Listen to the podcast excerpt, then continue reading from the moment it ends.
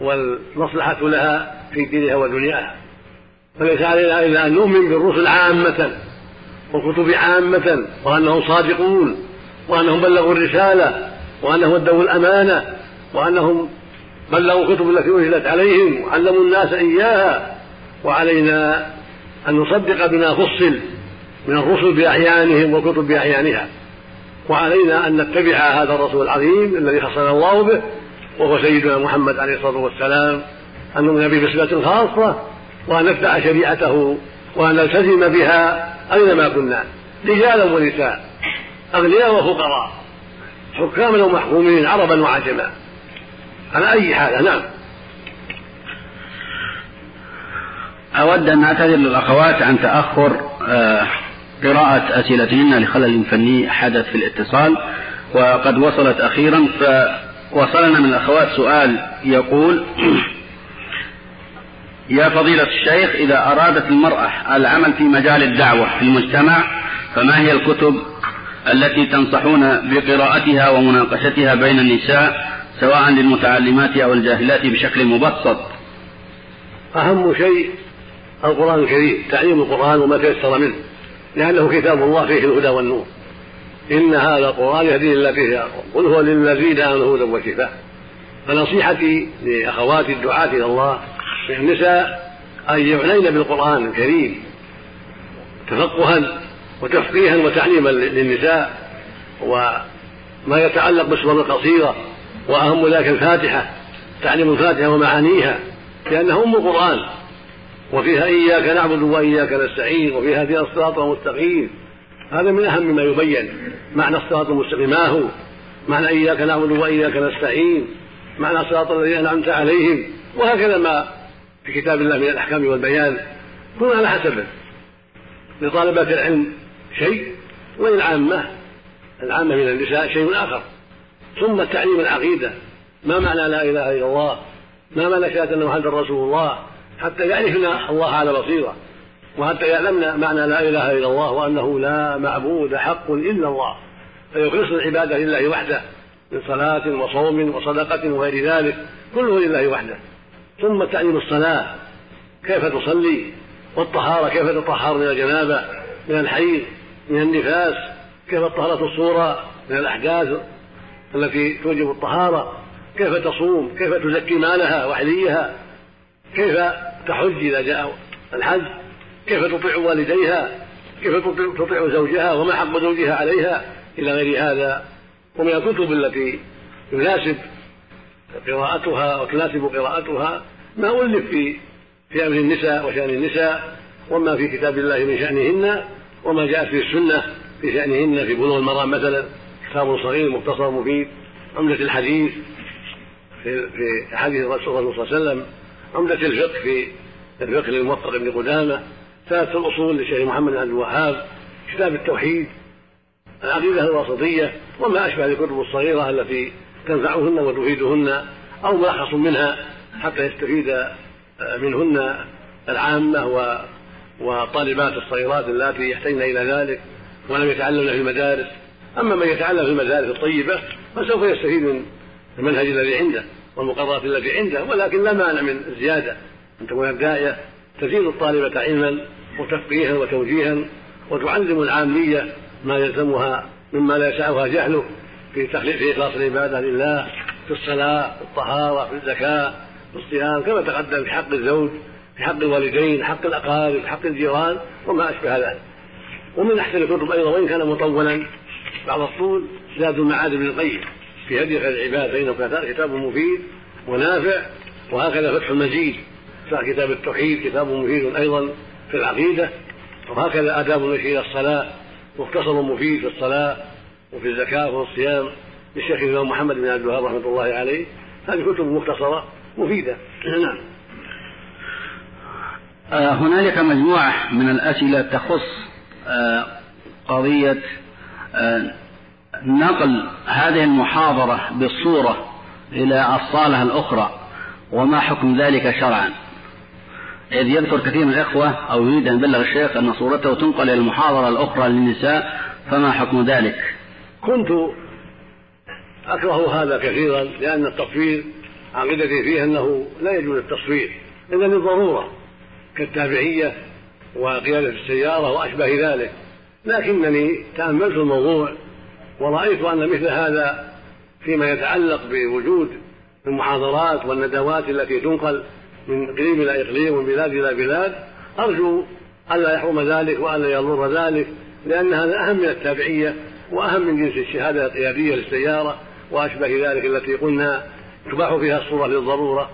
فالضرورة في هذه المجتمعات التي لا بد فيها من نقل المحاضرات والندوات بالصورة إذا لم لم يتيسر ذلك إلا بها فأرجو أن يكون ذلك لا حرج فيه. وقد سبقني في هذا جماعة من إخواني العلماء واستجازوا هذا أخذا بالمصلحة العامة. من باب ارتكاب أدنى المفسدتين لتوفيق كبراهما ومن باب تحصيل أدنى المصلحتين لتوفيق البنيان منهما. فهو من هذا الباب. لا بأس به للمصلحة العامة التي تترتب على هذا النقل إلى بلدان كثيرة وإلى أقاليم كثيرة وإلى عالم كثير. والمصلحة في هذا أعظم وأكبر من المصلحة التي أجزنا من أجلها جواز الصورة للتابعية وجواز الصورة لمن لم لمن لم يعطى شهادة القيادة إلا بها ونحو ذلك. والله ولي التوفيق. نعم. جزاكم الله خيرا.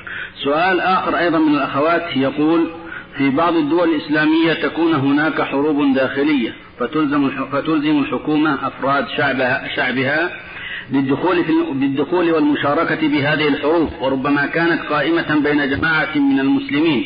فهل يجوز للمسلم عصيان أمر ذلك الوالي بالإشارة إلى ما سوف يلاقيه من اضطهاد؟ ولكم جزيل الشكر. يقول في بعض الدول الإسلامية تكون هناك حروب داخلية فتلزم الحكومة أفراد شعبها بالدخول والمشاركة بهذه الحروب وربما كانت قائمة بين جماعة من المسلمين. وجماعة أخرى منهم أيضا. فهل يجوز للمسلم عصيان أمر ذلك الوالي بالإشارة إلى ما سوف يلاقيه من اضطهاد ولكم جزيل الشكر؟ هذا أمر فيه تفصيل والواجب على من أمر بهذا أن ينظر. فإن كان الذي يقاتل يستحق قتال كالبغاة مع أهل العدل وكالخوارج وكمن يستحق المقاتلة لخروجه على إمام لا يستحق الخروج عليه فإنه يقاتل معه. لأولئك كما قاتل الصحابة رضي الله عنهم مع علي الخوارج لما خرجوا عليه وقتلوا بعض المسلمين فاعدوا عليا حتى قتلوا الخوارج. وكما قاموا مع علي في قتال أهل الشام لأنهم معتبرون بغاة على علي وأصحابه كما في حديث الصحيح تقتل عمار الفئة الباغية. هذا حق. أما إذا علم المسلم أن هذا القتال لا يجوز حسب اجتهاده وحسب علمه وأنه ظلم من الدولة في قتل هؤلاء وأنه لا يجوز لها أن تقتلهم فإنه لا يطيع الدولة في ذلك. إنما الطاعة في المعروف ولا طاعة المخلوق في معصية الخالق. فإذا علم أن أمره بهذا القتال غير جائز شرعا وأن الدولة لا يجوز لها شرعا أن تقتل هذا الشخص أو هؤلاء الأشخاص لعدم السبب الموجب لقتلهم فإنه لا يجوز له أن يطيعهم ولو سجن ولو أوذي ولو قتل. نعم.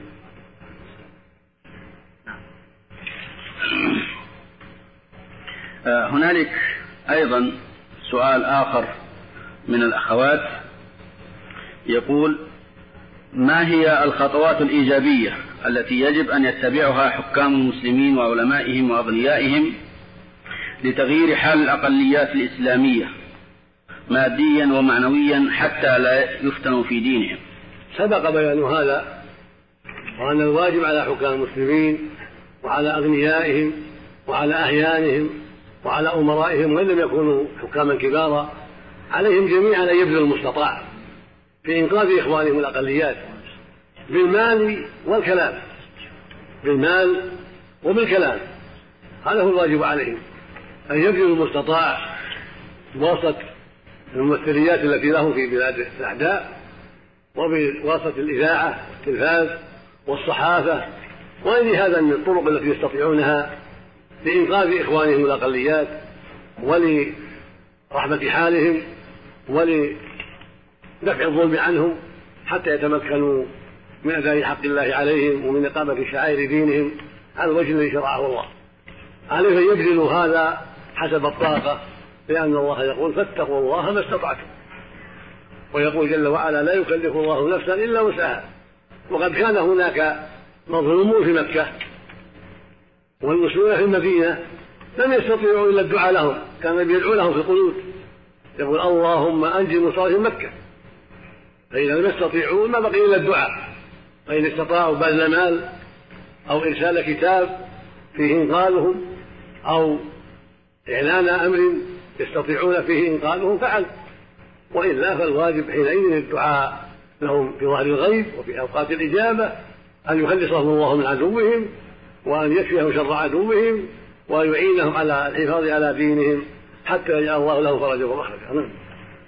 آه، هنالك أخت أخرى تسأل وتقول ما حكم تقليد الغرب في أزيائهم وملابسهم عن طريق مجلات الأزياء؟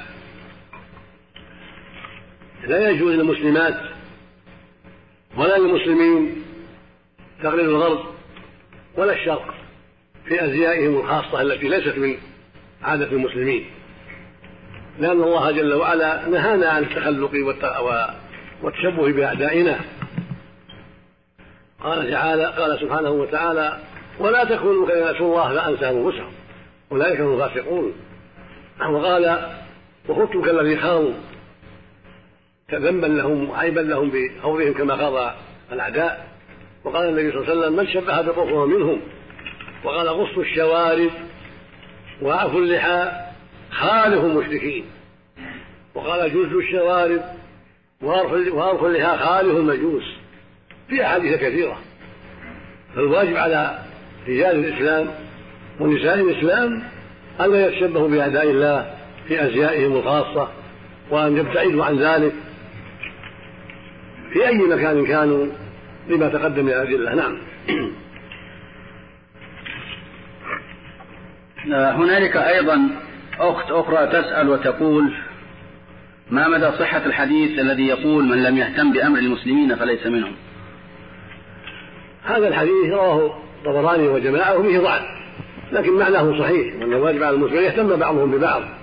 يقول النبي صلى الله عليه وسلم لا يؤمن أحدكم حتى يحب يحب لأخيه ما يحب نفسه. ويقول عليه الصلاة والسلام المؤمن للمؤمن كالبنيان. يشد بعضه بعضا وشبك بين أصابعه. وقال عليه الصلاة والسلام مثل المؤمنين في توادهم وتراحمهم وتعاطفهم كمثل الجسد. يشتكى من عضو تداعى له سائر الجسد بالسهر والحمى. نعم. هو الحقيقة هنالك سيل كبير من الأسئلة وقد لا يتسع وقتنا هذه الليلة لكل آه هذه الأسئلة فنعتذر للإخوة الذين لم نتمكن من عرض أسئلتهم على سماحة الشيخ. ولكننا نود أن نذكركم بأن هنالك فرصة أخرى للقاء مع شيخ آخر من شيوخنا هو فضيلة الشيخ محمد بن صالح بن عثيمين الذي سيشارك في المؤتمر يوم غد بمحاضرة وندوة فقهية في الساعة العاشرة والنصف صباحا. في هذه القاعة وستنقل المحاضرة مباشرة إلى قاعة النساء كالمعتاد. وأملنا أن نسعد بمشاركة الجميع.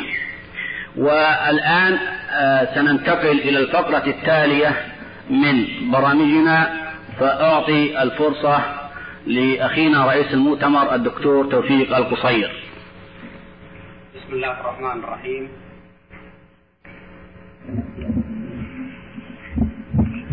الحمد لله والصلاة على رسول الله صلى الله عليه وسلم. أيها الإخوة الحضور شكر الله لكم سعيكم وشكر الله لشيخنا سماحة الشيخ عبد العزيز بن باز استجابته لطلب الندوة العالمية للشباب الإسلامي ورغم أن صحته لا تسمح بذلك ولكنه استجاب ونرجو له من الله الأجر والمثوبة. أيها الإخوة الكرام رغم أن هذا المؤتمر هو مؤتمر علمي إلا أنني أود لحظة ذكر الصحة وأنا أبشركم بحمد الله أنك بخير واحد. وصحة تامة بحمد الله ولكنه المشاكل غلط. الحمد لله. كثرة المشاكل أما الصحة بحمد الله. هذا سليم وبحمد الله من كل شيء. الحمد لله. الحمد لله رب العالمين. الله يبشرك بالخير. ورغم أن هذا مؤتمر علمي إلا أنني أود أن نلطف من جوه قليلا وأملي أن يسمح لي الشيخ العزيز عبد العزيز بن باز وأن تسمحوا لي أيضا. إن من القول إن من البيان لسحرا إن من القول لحكمة وإن من البيان لسحرا أيها الإخوة الكرام تلبية لإلحاح عدد كبير من الأخوة وبعد التأكد من مناسبتها لهذا الموقف يسرني أن أقدم لكم قصيدتين يلقيهما شاعران من أبناء هذا الوطن المبارك هما أخي الدكتور أحمد بن عثمان السويجري والأستاذ عبد الرحمن العشماوي وأرجو إن شاء الله أن تكون إضافة نوعية جيدة وتغيير للرتابة التي نود جميعا أن نغيرها لما هو لما فيه خير إن شاء الله. فليتفضل أخي الدكتور أحمد تويجري إلى أن يصل إلى المنصة الدكتور أحمد بن عثمان تويجري هو رئيس لجنة البرامج وأكثر هذه الجهود وتنظيم هذه المحاضرات الحقيقة كانت تحت إشراف لجنته فشكر الله له. السلام عليكم ورحمة الله وبركاته. السلام وأسعد الله مساءكم جميعا وأسأل الله العلي القدير أن يجعلنا ممن يستمعون القول فيتبعون أحسنه. أيها الإخوة الكرام آه، فوجئنا بهذا الطلب وفوجئنا بهذا الموقف ولولا تقديرنا لمكانة هذا الحفل ومكانة هذه المناسبة وقبل ذلك لمكانة والدنا وأستاذنا ومعلمنا الشيخ عبد العزيز بن باز. حفظه الله لترددنا كثيرا. ولكن أسأل الله سبحانه وتعالى أن يجعلنا عند حسن ظن إخواننا الذين أولونا هذه الثقة الغالية.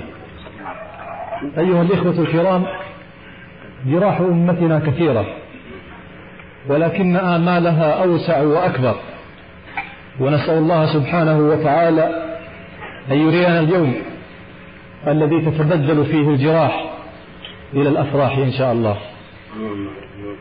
القدس وفلسطين حكاية قديمة حديثة. عشناها ولا نزال نعيشها كل يوم. والقدس أيها الإخوة عندما نتحدث عنها لا بد أن ننفعل. خاصة عندما نتذكر ما يفعله أقذر أهل الأرض بها وبأهلها. دم الجراح دم المصلين في المحراب تنهمر. دم المصلين في المحراب ينهمر. والمستغيثون لا رجع ولا أثر. والقدس في قيدها حسناء مذ سلبت عيونها في عذاب الصمت تنتظر. تسائل الليل والأفلاك. ما فعلت جحافل الحق لما جاءها الخبر؟ هل جهزت في حياض النيل ألوية؟ هل في العراق ونجد جلجل الغير؟ هل قام بليون مهدي لنصرتها؟ هل صامت الناس هل أودى بها الضجر؟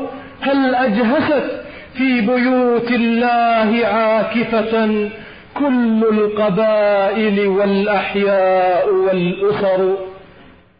تسائل القدس هذا الليل حائرة ونحن بالقولة النكراء نعتذر. يا أمة الحق إن الجرح متسع. فهل ترى من نزيف الجرح نعتبر؟ قومية كم نبحنا في مقاطنها. قومية كم نبحنا في مقاطنها. قد أنتنت فاشتكت من قيحها مضر.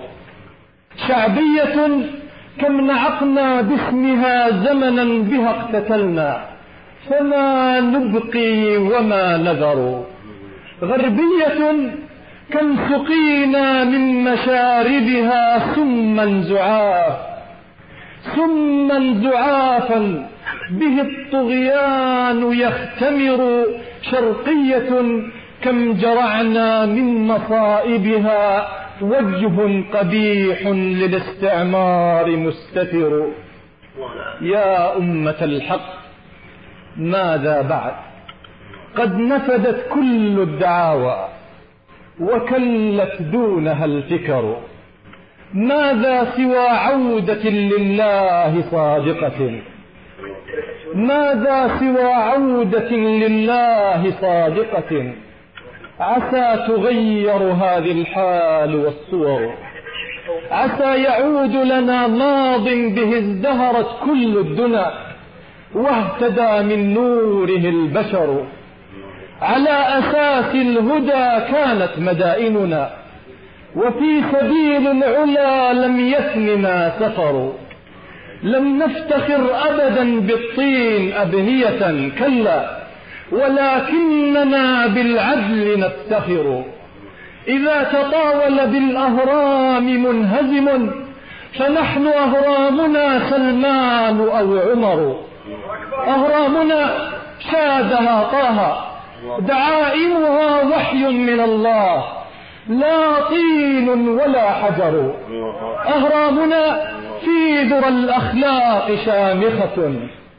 أهل أهرامنا في ذرى الأخلاق شامخة. هي السماحة وهي المجد والظفر.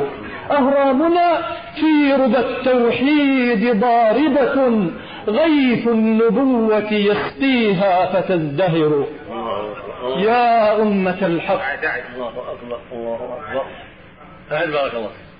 يا أمة الحق. ماذا بعد؟ قد نفدت كل الدعاوى وكلت دونها الفكر. ماذا سوى عودة لله صادقة؟ عسى تغير هذه الحال والصور. عسى يعود لنا ماض به ازدهرت كل الدنا واهتدى من نوره البشر. على أساس الهدى كانت مدائننا.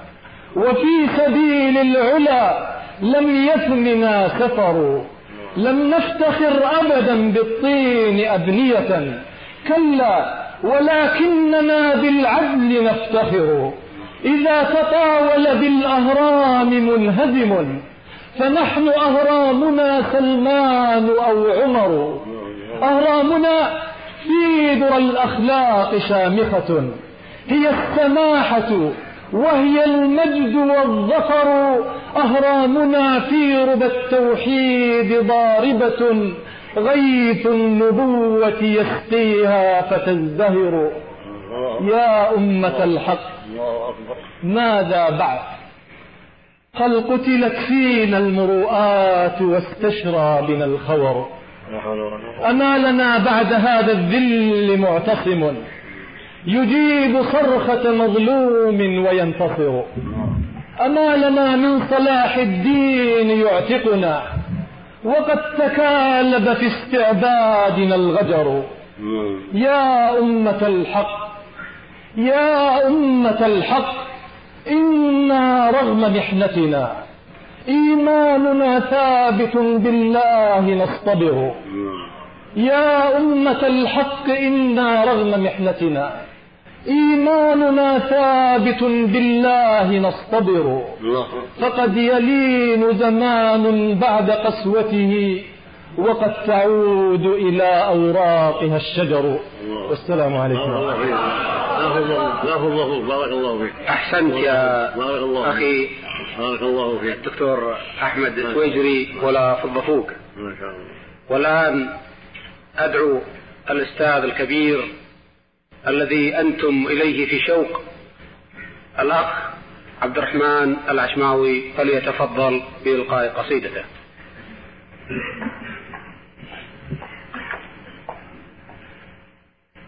بسم الله الرحمن الرحيم.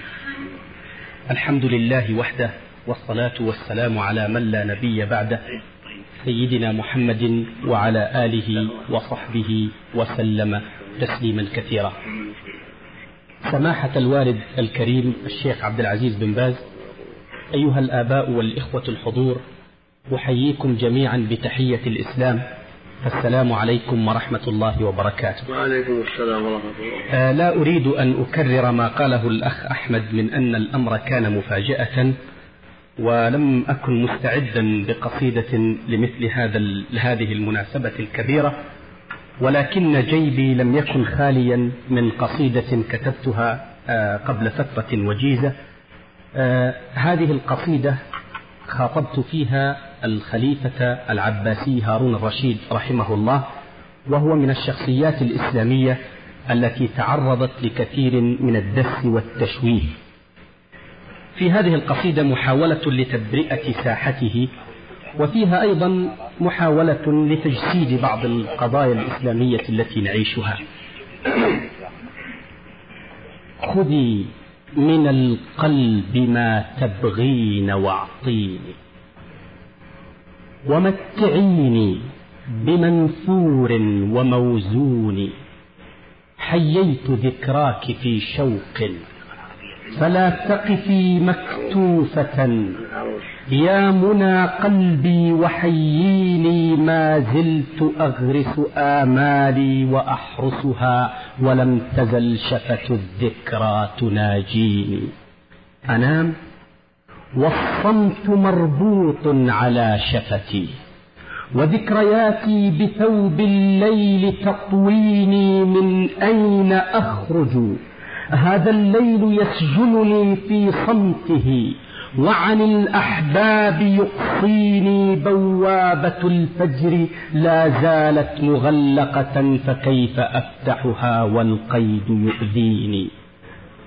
سافرت والليل أعمى والهموم لها توثب وسهام الخوف ترميني فما مررت على دربي بمرحلة إلا وجدت حداء الشوق يحدوني ولا توقفت في سيري على شرف إلا رأيت السهول الخضر ترجوني وأدهش الدرب تصميمي فأسلمني زمامه ودعا الأحجار أن ليني لانت فأحسست أن الأرض مفرشة من الحرير وأني غير مغبون حتى غدا الحزن سهلا والرمال غدت زهرا ونبع الأمان البيض يسقيني مضيت.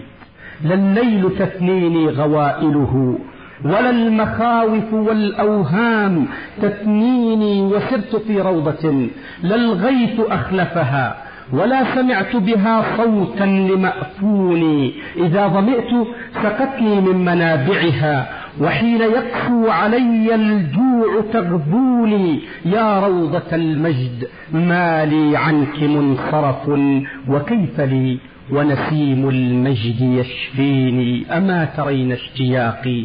فاجعلي أملي يخضر فيك ولا تستغلقي دوني إني أرى حائطا للدهر يحجزني عما أريد وأرجو أن تعينيني يا حائط الدهر إن أخفيت عن نظري أشخاص قومي فذكراهم توافيني أظل أذكر ماضينا.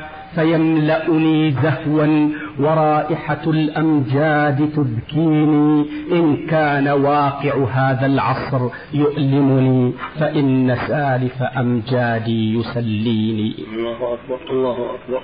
أبا الأمين أبا المأمون يحملني إليك شوقي وبعدي عنك يدنيني. بيني وبينك أعوام مكومة تظل ساخرة من حائط الصين. وبيننا يا أبا المأمون ألسنة تغريك بي وبما تغريك تغريني ظلت تزيد سعار الشك في خلدي حتى رأيتك في صف ابن زيدون قصائدي يا أبا المأمون لاهثة في درب ظني وظني لا يداريني لكنها لو درت مثلي بما حملت من الهموم لفرت من دواويني. أبا الأمين أبا المأمون معذرة إذا نكأت جراحاتي بسكيني إني أتيت وعين الشك ترمقني وقد صبرت عليها صبر ذنون حتى سمعت نداء لست أعهده وكنت أصغي وكان الصوت يأتيني. قالت زبيدة ما أنبت عاطفتي إلا على روضة في صدر هارون وهبته كل إحساسي.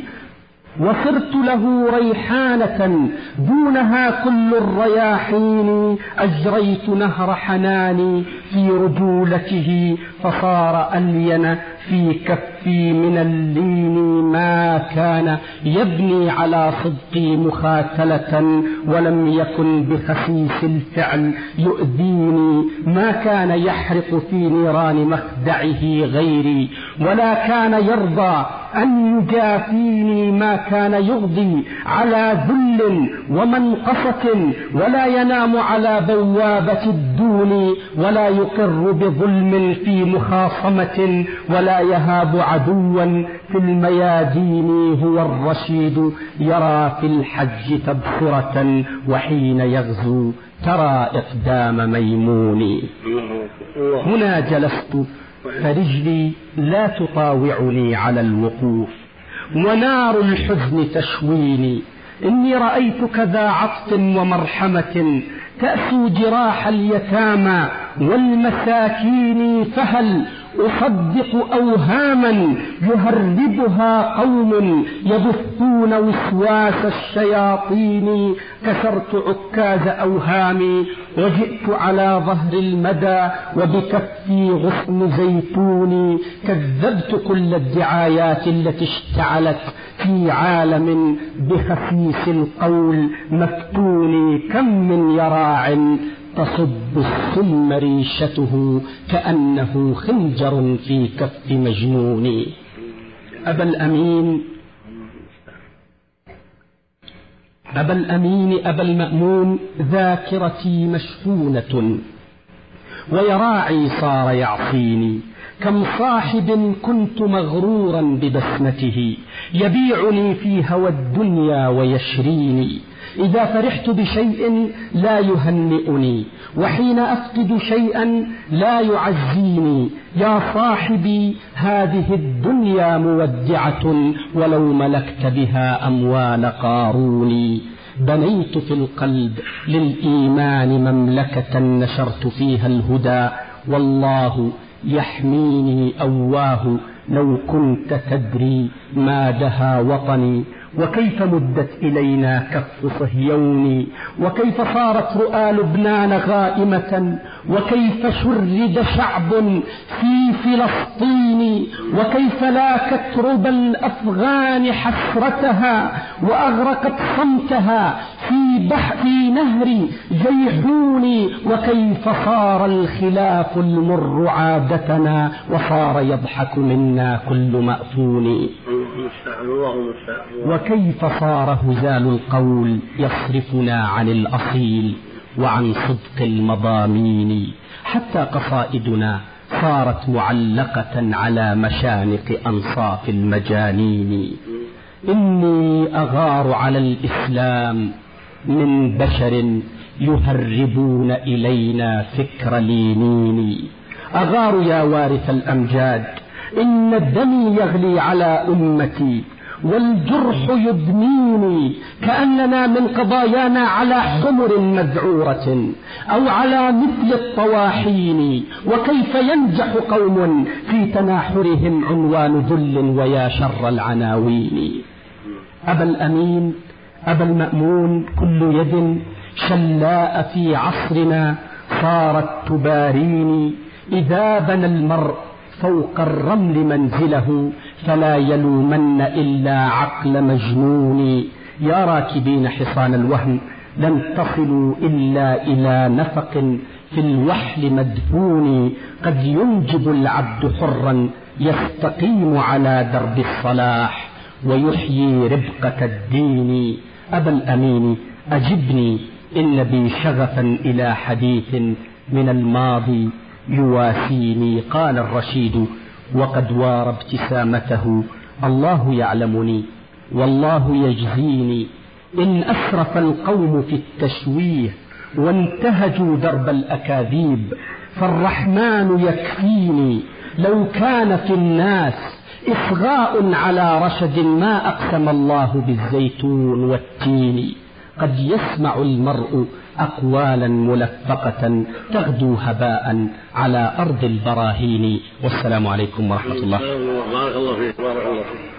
أحسنت أحسنت يا أستاذ عبد الرحمن ولا فض أخوك ونفعنا الله بما قلتما وجزاكم الله خيرا. آه، قبل أن أطلب من الأب سماحة الشيخ عبد العزيز أن يعطينا كلمة توجيهية.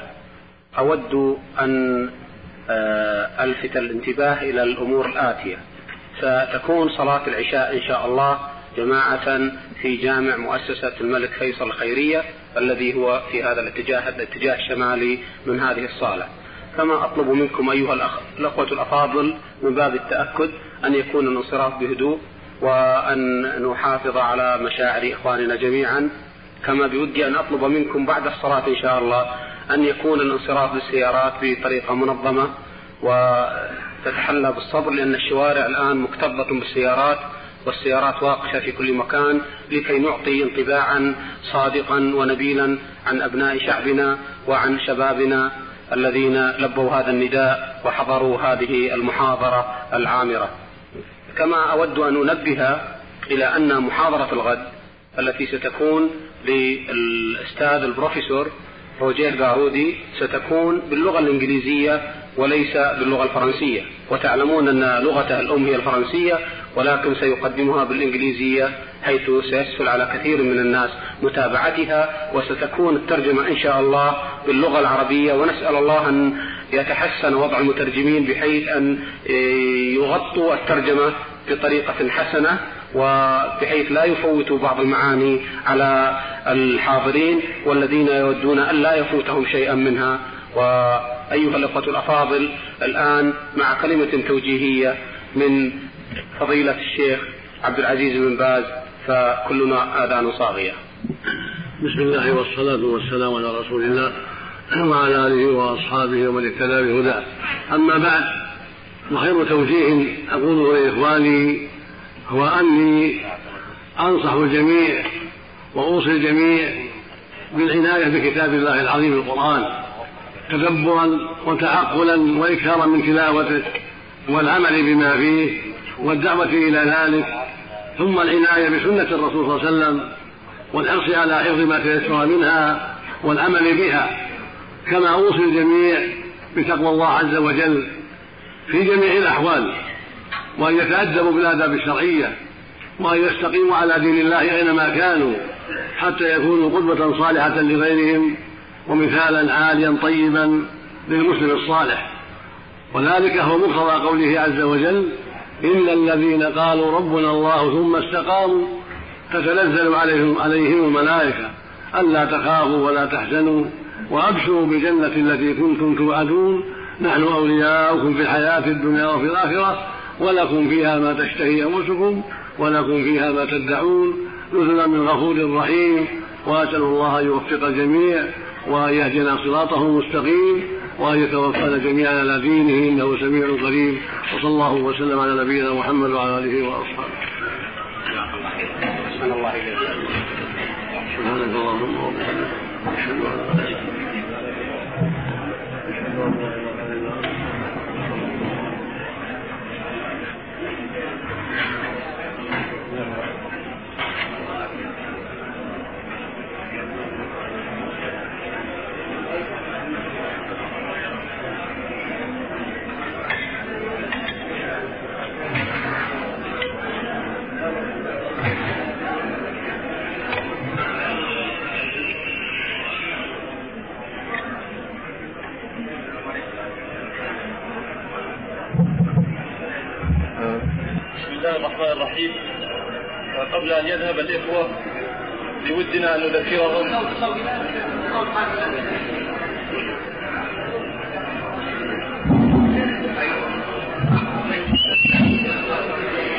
بسم الله الرحمن الرحيم. قبل أن ينصرف الإخوة بودنا أن نذكرهم أيضا آه، بمحاضرة وندوة الشيخ محمد بن صالح العثيمين التي ستكون غدا إن شاء الله في الساعة العاشرة والنصف في هذا المكان والتي أيضا ستنقل بالتلفزيون إلى مقاعة النساء. أرجو إن شاء الله أن نرى الجميع لما في ذلك من الفائدة والخير. ووفقكم الله.